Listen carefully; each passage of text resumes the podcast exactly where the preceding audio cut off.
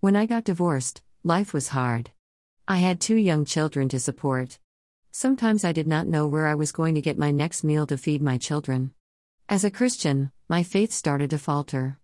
I endured significant family struggles, and so I thought that if I turned to the things of the world, it would make me happy and numb my pain, but I was wrong.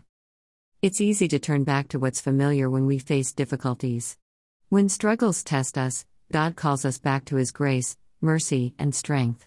He calls us back from worry and anxiety to trust in Him. The Lord longs to be gracious to you, therefore, He will rise up to show you compassion. Isaiah 30:18 I realized that what I was going through was not so bad and that I would probably have to deal with a lot worse.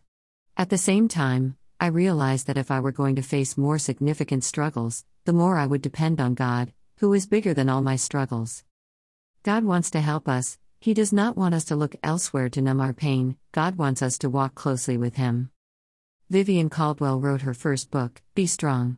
The Lord is always with you. This book is to motivate, encourage, to strengthen us, and to let us know that despite our struggles and storms of life, God is always with us and our anchor holds on the solid rock, which is Jesus Christ. Her book is now available on Amazon and Barnes and Nobles, so get your copy today. Just type in her name, Vivienne Caldwell, and you will see her book. You can also subscribe to her podcast at https colon slash slash anchor.fm slash Vivienne Caldwell slash subscribe.